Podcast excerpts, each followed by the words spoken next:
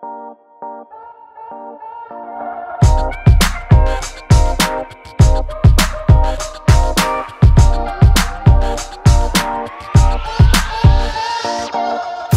pagi, selamat siang, selamat sore, dan selamat malam para pendengar setia Abastok.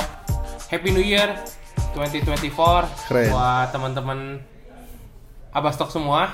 Bersama Yes. gua Abu Christian dan juga Vincent Manahem yang sudah absen tag podcast selama tiga bulan terakhir Terakhir kita September ya. September Itu pun pembahasannya Euroleague tuh. Euroleague ya. Tapi ya kita nggak pernah hilang dari sosial media, kita tetap aktif di Instagram. Betul. Tapi ini baru kebet- kebetulan aja baru ngumpul lagi di Jakarta. Betul sekali. Tag, po- tag podcastnya. Betul. Kali ini kita akan bahas tentang IBL 2024 yang akan berlangsung minggu depan ya? Minggu depan, Ya, betul, 13 Januari. 13 Sekarang kita tag di tanggal 4 Januari. Yes. Eh, tentunya kita akan tag 3 episode sekaligus. Betul sekali. Ya kan? Biar nggak putus-putus ya. Biar nggak putus-putus. Biar konsisten ya. Ya, yang kalian lagi dengerin ini kita akan bahas tentang eh, kesiapan, Kesiapan. tim. So, Kesiapan tim untuk eh, di musim ini.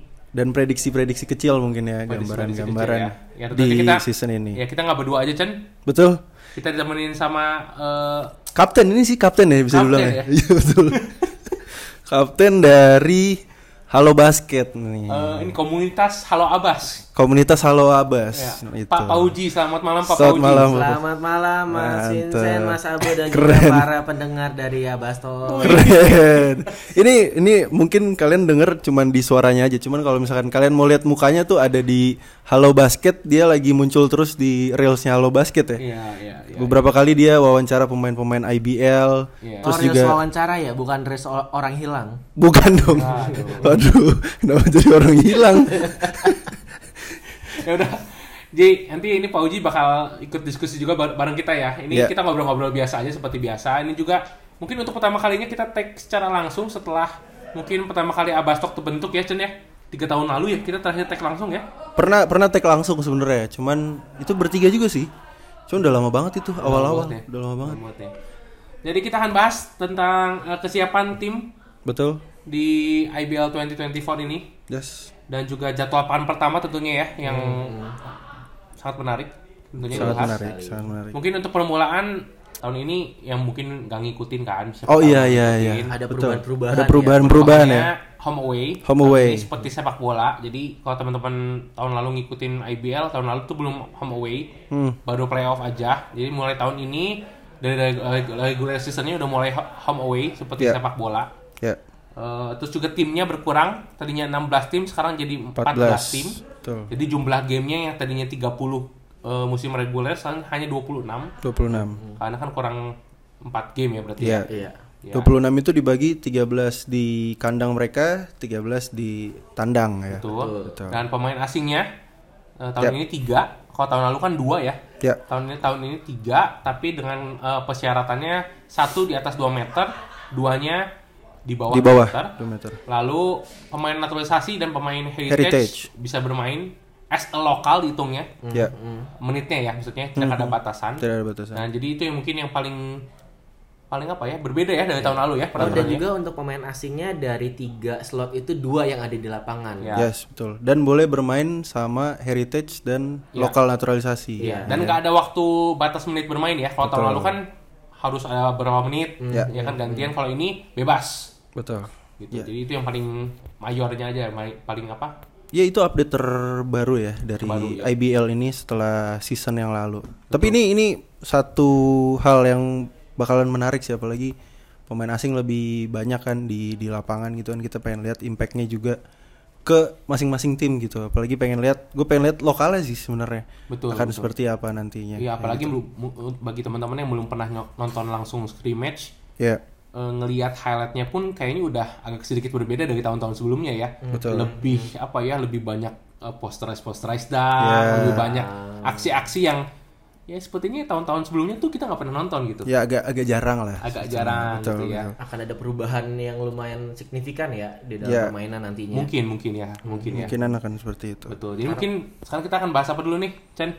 eh ini kali ya kesiapan tim kali ya. Mungkin sebenarnya kalau misalkan kita bahas satu-satu kayaknya akan lama ya. Kita Lama. bisa sampai Nggak jam mungkin juga, juga. tengah malam ya. Iya. Mungkin kayak secara overall aja ya, General secara lah overall ya. ya. Ya, mungkin dari gua dulu nanti lu bisa tambah-tambahin. Boleh, boleh. Ya, kalau dari gua 14 tim ini sebenarnya eh, secara kesiapan 11 tim menurut gua sudah cukup matang ya. Cukup matang dalam artian pemain asing datangnya sudah jauh-jauh hari minimal gue hitungnya itu Desember tanggal 1 lah. 13 11 tim itu tuh 11 tim kecuali Satya Wacana Salatiga, Bali United dan juga Bima Perkasa Jogja Betul.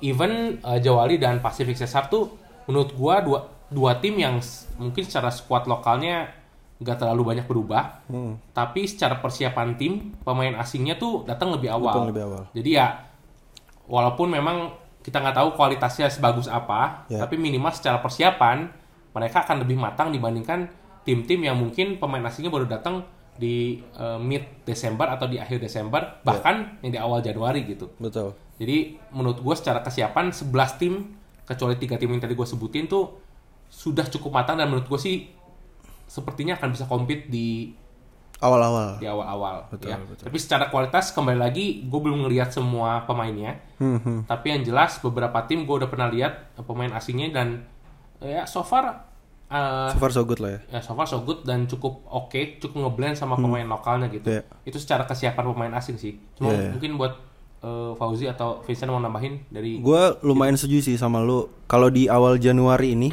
gue gak tahu nanti pas pemilu tuh akan ada jeda apa gimana nanti lu bisa sampein. Cuman di awal Januari ini pastinya tim yang akan lebih siap adalah pemain asing yang udah datang duluan sama kayak yang lu bilang tadi. Cuman Iya. eh, nantinya kayaknya eh, tim yang akan di, sangat eh, diuntungkan tuh tim yang kalau gue ngeliat ya tim yang dengan eh, ada ada pelengkapnya dari eh, heritage player sama si lokal naturalisasi sih Betul. kalau gue ngeliat. Karena eh, secara skill set secara eh, mentality lebih lebih siap untuk tanding eh, dengan pemain-pemain import lainnya. Terus eh, mereka punya keuntungan lah dengan adanya lokal naturalisasi sama si heritage player jadi yang gue ngeliat kalau misalkan di awal udah pasti sih eh, tim yang udah ngeblend duluan yang punya chemistry lebih bagus yang punya eh, apa namanya komunikasi yang bagus satu sama lain ya makanya tadi kalau misalkan melihat beberapa tim udah udah ngeblend satu sama lain gue ngeliat juga eh, Bumi Borneo juga udah lumayan oke dari dari chemistry Borneo Hornbills, bos. betul Borneo Borneo Ya, Hornbills udah ganti nama, Bang. udah ganti nama itu Ya. dia yang harus dicamkan tapi ya itulah kalau dari gue sih itu sih kalau dari Fauji gue Eh, sih menarik sama tim-tim yang eh, notabene-nya bongkar mesin ya di musim ini. Ada nama Bima Perkasa Jogja dan juga ada yang tim baru lah ya bahasanya Satria. Satria Bangun Solo yang Ya. eh, tentu kita menarik nih bagaimana proses adaptasi dari kedua tim itu yang mendatangkan kurang lebih kalau misalkan B, eh, Satria Bangun Solo kan itu otomatis pemainnya baru semua ya. Ya. Didatengin gitu ada yang dari NSA, ada yang dari apa sih namanya West Bandit gitu. Iya. Sedangkan kalau dari BPJ sendiri ini kan bisa dikatakan tuh kemarin baru di announce eh, 11 apa 12 gitu. Eh, Itu kurang lebih 4 per 5-nya tuh baru semua. Cuma Iya. tiga pemain yang di extended. Ini kan eh, di waktu yang semepet ini menarik nih gimana lihat apakah BPJ ini mampu bisa apa ya bersaing ya, bersaing ke depannya. Sama di musim depan kan eh, kalau kita ngomongin pemain asing ada 8 pemain ex NBA nih. Iya. Sejauh mana mereka bisa ngasih eh, apa ya namanya perbedaan untuk timnya gitu. Mampukah mereka soalnya kan yang selalu di ini kan ini pemain NBA membawa entertainment nih. Iya. Apakah nanti bisa nih eh, pemain-pemain asing ini bisa ngasih perubahan lah gitu. Tapi nanti kita bahas lebih lanjut lagi ya. Itu di episode perbandingan. 2. Itu episode 2. Episode 2 ya. Betul. Ini kita ngomongin kesiapan lagi ya. Ini nggak pernah juga ngomongin ke Satria Bengawan Solo ya. Hmm. Jadi kan memang secara eh, tim kan kemarin mereka tuh baru official tuh tanggal 14 Desember ya kalau nggak salah ya. Iya. Pertengahan ya. Ya pertengahan Desember. Tapi kemarin gue sempet nonton uh, scrimmage game mereka dan memang eh, secara materi lokal, secara materi lokalnya memang kan banyak pemain-pemain yang boleh dibilang secara pengalaman tuh udah cukup malang melintang ya Ya. di IBL kan Pemain Andre. Pandey, Andre, Adriano, uh, Kevin. Moses, Ferdian, Luke, uh, lalu ada Samuel Devin gitu kan. Jadi memang uh, menurut gue pribadi ya, walaupun me- mereka middle Desember persiapannya, tapi Iya. secara persiapan tuh timnya langsung komplit tuh. Pemain asingnya tiga-tiganya langsung datang, Ya. pemain eh, lokalnya pun eh, nggak nggak perlu banyak apa ya nggak perlu banyak adjustment, Adjustment. yang eh, berlebih gitu apalagi pelatihnya Kameldi yang boleh dibilang eh, secara apa ya secara pengenalan dengan pemainnya tuh udah cukup bagus juga karena kan Nuke juga udah pernah bareng dia Ya, Andre juga udah pernah. Devin juga udah pernah, Max Beberapa, juga udah beberapa, pernah ya. gitu. Jadi banyak pemain yang boleh dibilang udah cukup akrab dengan eh, tactical yang dimiliki oleh Kameldi gitu. Hmm, Dan gue cukup menarik dan apa ya, impress juga melihat Kesatria Bengawan Solo tampil cukup oke saat lawan Borneo kemarin. Oh, Oh, menang Iya. ya kemarin ya? Menang, Menang. Tapi dengan catatan di kuarter 4 tuh Borneo nggak pakai asing ya. Asing. Nah gitu jadi jadi memang secara kesiapan tim menurut gua sih Kesatria bisa cukup diperhitungkan lah di papan tengah di eh, musim depan ya. Gua Oh, iya. ngomongin Big Four dulu nih karena Iya. ngomongin Big Four agak berat juga secara materi timnya ya. Iya.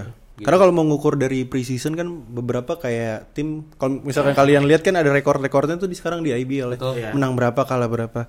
Itu juga nggak bisa diukur gitu karena Betul. yang tadi lu bilang ada beberapa tim yang eh, kayak SM kemarin kalau nggak salah lawan Prawira dia nggak pakai asing sama sekali. Betul, Sempat Rans juga dua dua game Rans pertama juga. nggak pakai asing. Iya, ada ada mix and match kayak gitulah yang yang eh, dicoba sama beberapa tim buat preseason. Tapi ini ini menarik sih karena gue ngeliat juga tadi gue cukup setuju buat si Ksatria Bengawan Solo karena squad lokalnya sih gue ngeliat dia cukup cukup apa ya siap. Harusnya mereka punya underdog mentality karena beberapa karena beberapa pemain kan kayak istilahnya kasarnya dibuang lah dari timnya.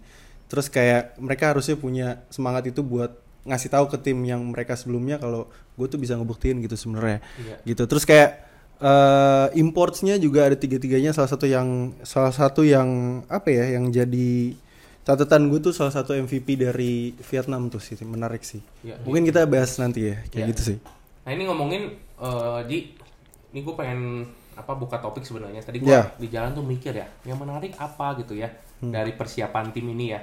Kalau ngomongin tim-tim yang pertengahan tuh mungkin ya udah kebayang lah. Iya. Kita bakal mereka bakal bisa compete atau enggak di musim depan gitu. Hmm, Yang menarik justru gue ingin bahas tuh kesiapan Satria Muda. Hmm, ya, oh ya, ya. kenapa nih Pertama, kita tahu semua lah Avan Seputra sama Laurentius Oi eh, kayaknya nggak akan ada di roster oke SM musim depan. Hmm. Walaupun belum ada statement resminya dari SM ya. Masih kita tunggu ya. Ya, tapi secara eh, kita lihat secara visual tuh memang udah nggak pernah latihan bareng. Iya Jadi kita bisa asumsikan ya mungkin nggak akan masuk roster di tahun depan. Terus juga kita melihat eh, ada nama-nama baru kayak Dam Dianye, ada Kal Patrick Gloria gitu. Terus juga ada Abraham Damagrahita dan da- di bagian manajemennya mereka sekarang nggak ada Roni Gunawan, Roni Gunawan. dan nggak ada juga Teh Baby yang udah lama banget bisa dibilang di Satria di Muda. Satria Muda betul Nah, menurut kalian nih, seberapa berdampakkah kejadian-kejadian yang boleh dibilang nih di luar prediksi kita nih? Maksudnya kan Avan, Lau, eh, Iya. Rogun dan TBB ini kita nggak nggak pernah perkirakan mereka akan keluar di tahun ini gitu. Iya. Nah, menurut kalian cukup berpengaruh gak nih dalam persiapan SM di untuk musim depan ya? Ini kalau ngomongin SM kan berarti kita eh, tolak ukurnya adalah persaingannya dengan Prawira, Pelita. Dewa Pelita. dan PJ ya secara persiapan. Menurut kalian gimana?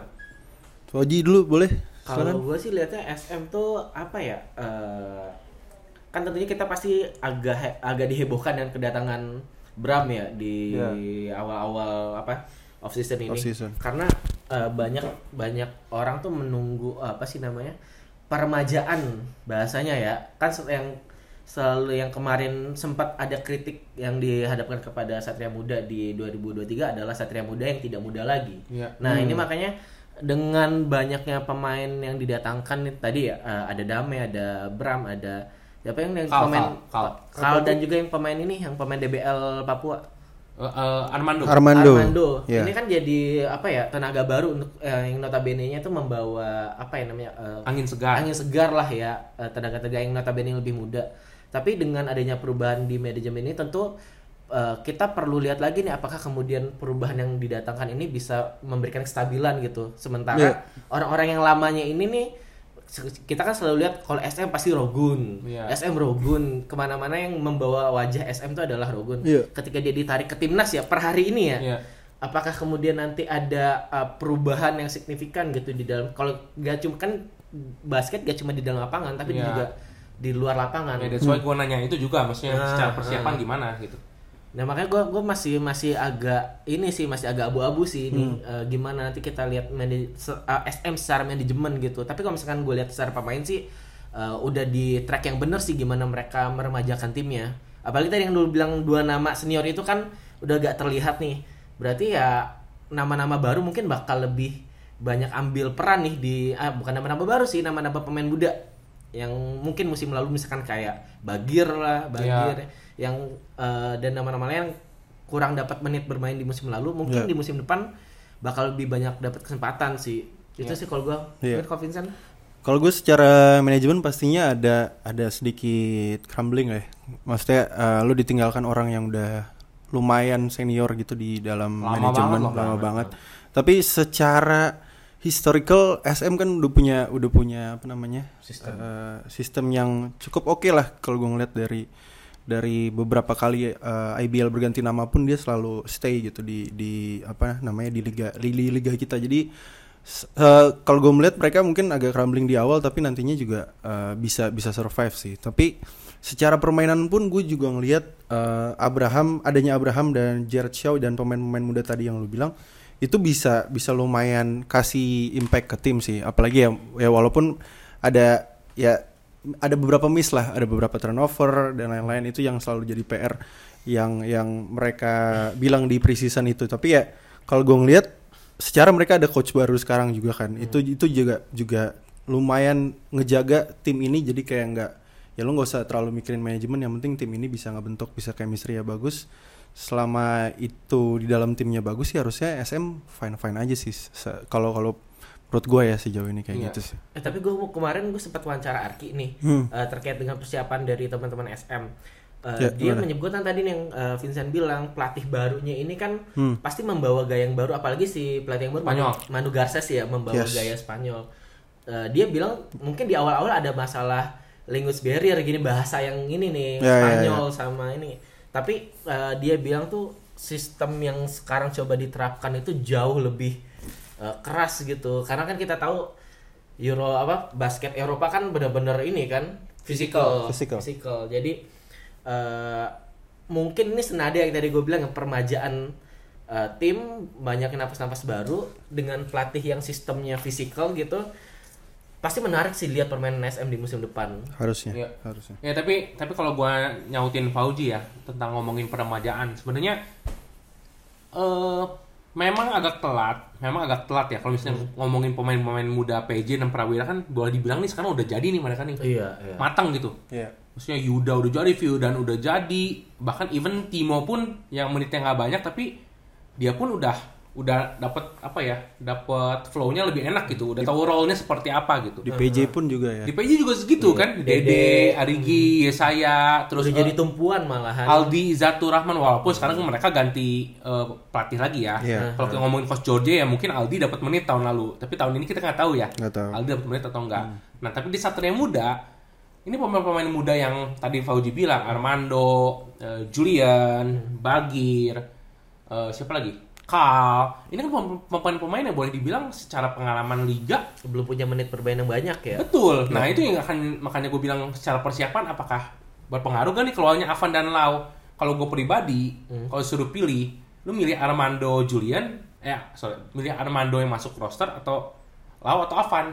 Ya gue mending Lau atau Avan. Lau atau Avan. punya ini ya kepastian ya ini. Betul karena Iya. karena secara role dan secara pengalaman, apalagi sekarang ada tiga pemain asing, beda akan akan sedikit berbeda ya. Walaupun eh, ya kita belum gue juga jujur pribadi belum nonton pemainannya SM ya. Kalau ngomongin Bram kita ngomongin Widi ngomongin Anthony Erga ya itu udah nggak usah diomongin. Arki apalagi gitu kan secara pengalaman juga mereka udah pantas lah main di level yang lebih tinggi. Apalagi pemain-pemainnya sekarang mungkin levelnya akan membantu mereka nih akan lebih semakin jago lagi gitu. Nah yang bikin gua kurius atau ber- bertanya-tanya ya itu. Apakah pemain-pemain muda ini sudah siap menjadi backupnya Juan Lauren Hmm, hmm.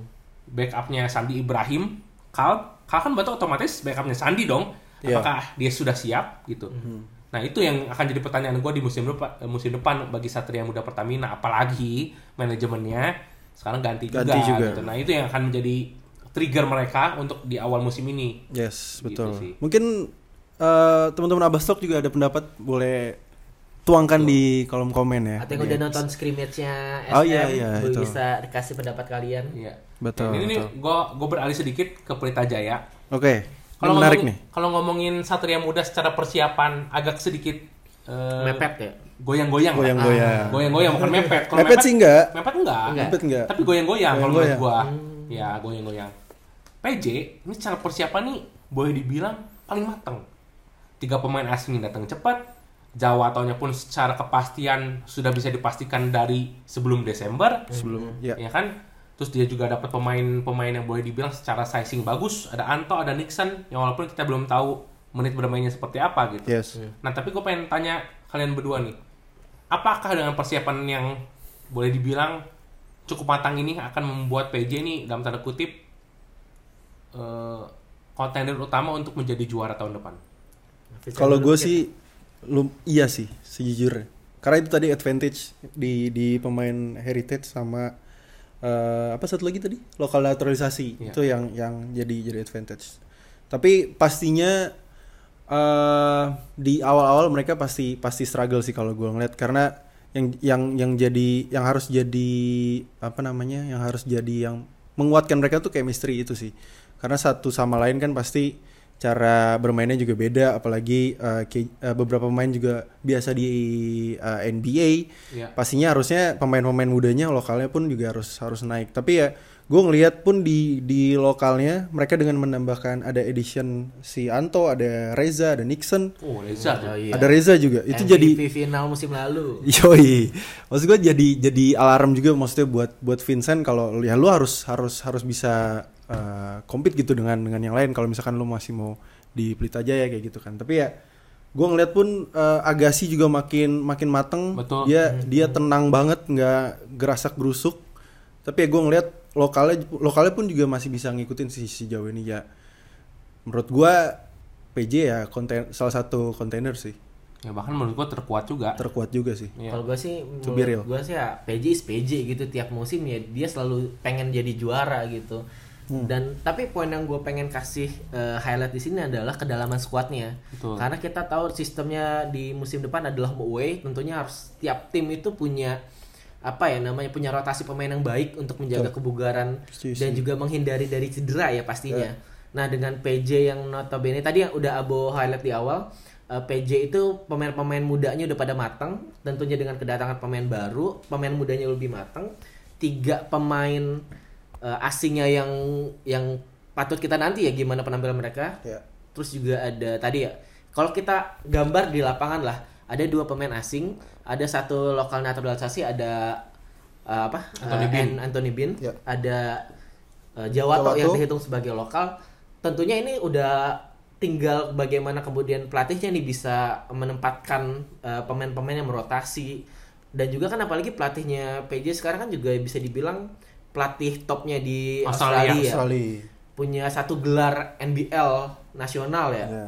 dan juga NBL di daerah-daerah gitu. Hmm. Ini kan tentunya menurut gua tuh eh, sangat amat membuat PBJ menjadi title contender utama gitu. Yes. Kedalaman squad, pemain-pemain yang udah matang eh, dan juga pemain-pemain baru yang didatangkan dengan size yang Bagus. Gosal dan itu kan satu satu sembilan tujuh satu sembilan delapan lah kalau gue gak salah sama Anto. Ya Iya, sekitar iya. itulah. Ya sekitar itu. Jadi tentunya ini eh, kalau gue pribadi yang ngeliatnya ini PJ bisa dikatakan ya eh, bakal jadi tahunnya PJ sih.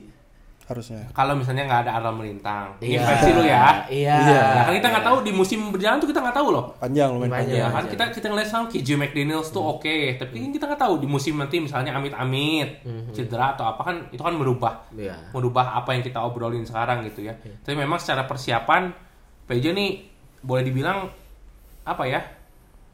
Iya udah start lebih dulu ya dibanding tim-tim yang lain gitu. Kalau ngomongin Prawira, Prawira juga pemain asingnya yang yang gede nih baru datang juga gitu. Baru datang kemarin akhir tahun gitu. Tapi kalau PJ nih bahkan kita sebelum Desember pun udah tahu siapa yang bakal main untuk PJ Iya. gitu ya. Ya, walaupun big man-nya satu belum kalau nggak salah. Ya to- eh, Robinson, Robinson, ya. Tapi udah main juga kemarin Iya. scrimmage gitu. Scrimmage baru. Nah tapi menyambung tadi apa kata Fauzi, eh, PJ is PJ tiap tahun pengen juara. Tapi tahun ini tuh berbeda menurut gua. Pengen banget ya. Bukan karena Apa? Karena secara secara secara squad kalau tahun-tahun sebelumnya tuh menurut gua ya, Hmm. sih sorry itu saya PJ tuh banyak pemain yang menurut gua eh, cukup nanggung Ah, dan role-nya tuh nggak nggak mantep gitu, nggak mantep. Kayak kalau misalnya kita ngomongin Prawira ya, Hans Abraham ya shooter Shooter. gitu. Tapi kalau di PJ ya semua bisa nembak, tapi kadang-kadang eh, ada beberapa momen ya pemainnya mungkin role-nya nggak tahu apa jelas gitu nggak jelas ini shooter atau slasher atau apa. Jadi di saat momen-momen krusial tuh bingung gitu. Nah. Nah, tapi tahun ini menurut gua role itu tuh udah kayak kayak apa udah di udah dijawab semua gitu. Shooternya nambah siapa eh, Prastawa Jawato gitu. Iya. Kreatornya juga eh, kalau tahun lalu cuma Yesaya kalau Prastawa hilang tuh cuma Yesaya doang gitu. Sekarang ada Anthony Bean, Ya. ya kan? Bignya kalau tahun lalu cuma ngandelin eh, Vincent, Vincent. dan Wicak yang secara sizing mungkin kecil banget. Sekarang ada Reza, ada Nixon, ada Anto gitu. Jadi secara role tuh mereka lebih lengkap tahun ini gitu. Jadi Harusnya. ya mungkin kalau secara visi ya memang tiap tahun bakal eh, pengen juara terus. Pengen juara. gitu. Tapi secara kedalaman squad ini menurut gua mereka ada di track yang paling tepat dari musim-musim sebelumnya gitu. Ya, ya, ya. Ya, ya kan. Iya. Kalau misalnya tahun lalu ngomong, ih PJ tiga kali hat trick gagal juara. Iya memang kalau ngelihat squad eh, apa banyak banyak peran-peran yang menurut gua cukup nyaru gitu. Hmm. Jadinya pas lagi di big big moment tuh hilang gitu. Ya, Tapi ya. tahun ini menurut gua sih mereka udah cukup settle ya dan Ya, ya, dan ya. nggak kaget kalau misalnya di akhir musim nanti dia yang akan jadi juara gitu. Harusnya sih masing-masing pemain PJ juga udah paham maksudnya role mereka apa gitu dalam Betul. timnya. Betul, apalagi kalau kita ngelihat uh, squad mereka saat ini, kalau lu nggak punya role yang jelas, Iya. lu nggak akan main. Iya. Hampir mirip kayak di NBA sebenarnya. Betul. Lu kalau misalkan contoh Draymond Green kan dia Ya, dia dia tahu semua bisa ada yang bisa nembak, ada yang bisa ada yang bisa drive, contohnya kayak Wiggins atau Stephen Curry. Ya dia uh, bantunya Jadi ya di defense pukul. gitu. ya, jadi tukang pukul ya X factor lah, cuman ya dia bantu di defense gitu. Dia tahu role dia apa di dalam tim ya, dia lakuin itu. Ya, Ya, gua harap iya. sih di PJ juga masing-masing pemain bisa kayak gitu sih. ya ini ny- akan nyambung ke pembahasan kita nanti di episode kedua nih. Betul. Ngomongin tentang Pemain asing, pemain asing dan eh, apa home away advantage. uh, homo advantage dan Ya. ya ini apa plus minusnya gitu Ya, di musim ini gitu. Ya, untuk persiapan mungkin ada tambahan lagi, Ji. Mungkin dari tim-tim yang mu- mungkin lu pengen highlight dari tim-tim yang mungkin bukan top 4. Dewa sih- mungkin sedikit Dewa. Ada yang mau bahas mungkin? Dewa mungkin mungkin sama kayak PJ ya, dia musim musim ini bakal ini banget ya. Soalnya kan kalau kita lihat di off season yang kemarin-kemarin itu eh, Dewa tuh termasuk tim yang paling gercep ya, gercep ngedatengin pemain-pemain lokal terutama ya. Ada beberapa nama-nama. Oh iya, terlalu cepat Tuli. ya, terlalu cepat. Ada beberapa nama seperti Rio DC, se- eh, dan juga Samuel Devin yang akhirnya ke KBS. KBS. Patrick, Ikram. Iya. Patrick Ikram, walaupun beberapa game kalau nggak salah belum main ya, Ikram ya. Ikram operasi. Ikram operasi Jadi kan, nggak akan main. jadi nggak akan main kan. Iya. Da- tapi eh, ad- dia memanfaatkan eh, slot eh, naturalisasi lewat dengan mendatangkan Leicester, Proper. Leicester. Halo Uncle Proper. Prosper. Dia sih ngerti kita ngomong gini. iya, iya, tapi intinya eh, Dewa pun melakukan persiapan dengan baik walaupun beberapa keputusannya cukup terlalu terburu-buru menurut gua karena kan waktu itu kan memang Dewa tuh mengambil pemain itu sebelum keputusan tiga pemain asing ini keluar kan. Iya. Jadi pemain-pemain lokal yang dalam tanda kutip tahun lalunya bagus diambil sama anak Dewa gitu. Gitu. Jadi memang secara kesiapan mereka juga mantap gitu. Apalagi mereka punya home sendiri loh. Iya. Betul. Ini bagus jadi- bagus banget. Ya, yang jadi advantage mereka tuh ini menurut gua. Karena kalau PJ, SM itu tuh dua tim yang menurut gua sekarang lagi bingung gitu. Mau, Iya sih. mau di mana ini? Mau di mana mainnya walaupun udah udah tentuin ya. Iya. Cuma kan secara eh, touch-nya dengan ringnya dengan apanya tuh kan berbeda nantinya kan. Feelsnya agak bisa bohong kalau di rumah sendiri. Betul. Ih, ini ini Ini yang gue tungguin dari kapten tuh. kapten halo basket tuh emang. emang.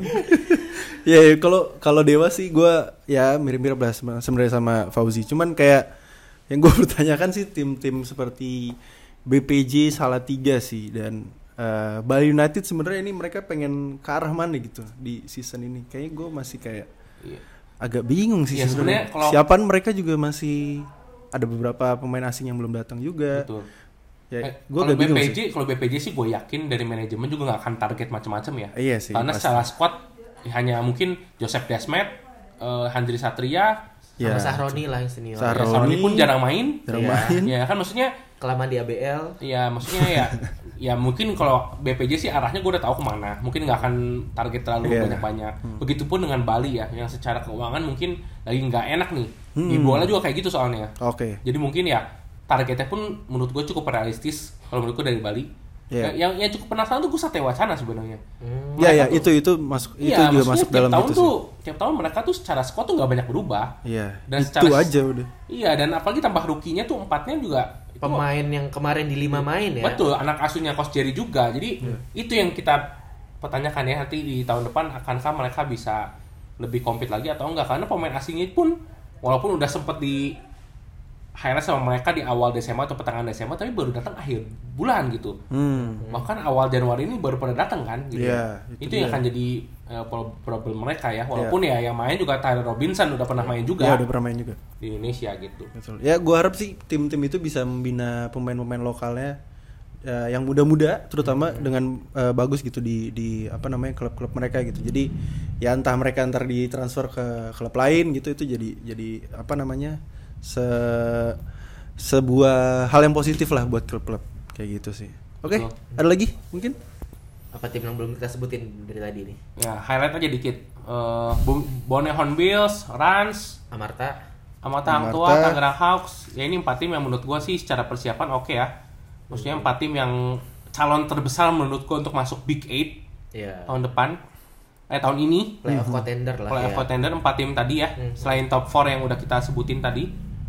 Eh ya empat tim itu ya secara persiapan sudah sudah menurut gua sih sudah siap lah untuk bersaing di delapan besar bahkan si- siapa tahu jadi kuda hitam Ya. Ya. di musim depan ya Rans apalagi dengan pemain ada pemain heritage juga ya Heritage-nya juga. Hmm, Devon.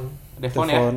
Devon lalu eh, Hang Tuah juga dengan begitu banyak pemain lokalnya yang cukup oke Raja Wali Medan sebenarnya mereka punya imports yang bagus juga sih. betul Iya. import bagus dan pemain asing ah, pemain lokalnya pun nggak banyak berubah itu Ya. yang poin plus mereka juga Ya. Eh, kalau Borneo juga dengan datangnya Tino Ya. dan Sefli ini menurut gua sih secara pengalaman akan lebih membantu mereka untuk compete di playoff karena tahun lalu kan pemain-pemainnya boleh dibilang pemain-pemain yang masih mentah ya Leo, Yanto, Rilo. Iya. Soalnya dia ngambil Arion, Sef- Tio. Arion Tio gitu masih nanggung-nanggung semua gitu. Iya. Soalnya mereka ngambil Tino dan Sefli yang secara pengalaman dan impactnya di tim tuh udah tahu gitu Ya, ya. akan seperti apa gitu. Iya. Nah itu sih paling tim-tim empat tim itu sih menurut gua sih sudah siap dan sudah sangat layak lah bersaing di papan atas gitu. Harusnya sih. Ya, kalau Prawira nggak usah banyak bahas ya. Karena Prawira sih sebenarnya Sejujurnya Prawira masih punya energi yang sama sih karena Iya, coach betul. coach coach Dev pun membawa energi yang sama gitu. betul dan on the track terus kalau menurut track, ya. Iya. Dan on the track Prawira Family masih pada in David Singleton we trust. Iya, Iya, iya, iya. Karena memang memang ya tahun lalu pun kita juga nggak ada yang nyangka Prawira bisa sekompak itu dengan tanpanya Abraham ya, dengan Iya. tanpa Iya. ada Abraham gitu. Iya. Ya kan? Mungkin poin gue kehilangan Abraham nggak begitu impact ke Prawira tapi kehilangan Reza sih yang masih perlu diganti walaupun ada Kelvin ada Falconi. Falconi, itu Nah. lumayan lumayan membantu lah Nah ini sebenarnya. pertanyaannya sama loh sama tahun lalu. Apakah dengan adanya eh, dengan tidak adanya Abraham, Abraham. berdampak ke Prawira? Dave bisa jawab enggak. Ya. Sekarang pertanyaan juga sama. Apakah Dengan tidak adanya Reza. Reza. akan berdampak dengan eh, dengan Prawira? Ya nanti kita nantikan. Tapi Yes. sejauh ini yang masuk ke Prawira tuh menurutku cukup pas. Cukup pas. Bisa cukup Falconi, ya yang punya sasing Calvin ya. Yes, Jadi yeah. menurut gua sih walaupun memang plus minusnya ada pasti, Ada. tapi secara sizing nggak akan berubah banyak. Nah kan ini kita berbicara liga ya, bagaimana nanti satu squad itu bisa kompak sepanjang Sepanjang liga. Sepanjang liga, Memang ya. season, betul. Ya karena ini ini bukan cup yang cuma satu game Betul. dua game, tapi ini gimana seorang pelatih itu bisa meracik satu squad Ya, untuk gitu. berkepanjangan kan. Ya kita lihat nanti coach terbaik di beberapa musim terakhir. coach Tiga musim beruntun. Tiga musim beruntun. Apakah dia bisa kembali membawa Prawira? Gokil sih kalau Tangan magicnya bisa membuat back to back juara. Ya, itu kita nantikan lah di musim yang ini. Ya, oke. Sekian aja episode pertama ini. Yes. Eh, next kita akan tapping untuk episode kedua. Jadi ini di hari yang sama ya teman-teman ya. Hajar terus. Sampai ketemu di episode kedua. Yes. Eh, dua hari atau tiga hari. Bye. See you. See you.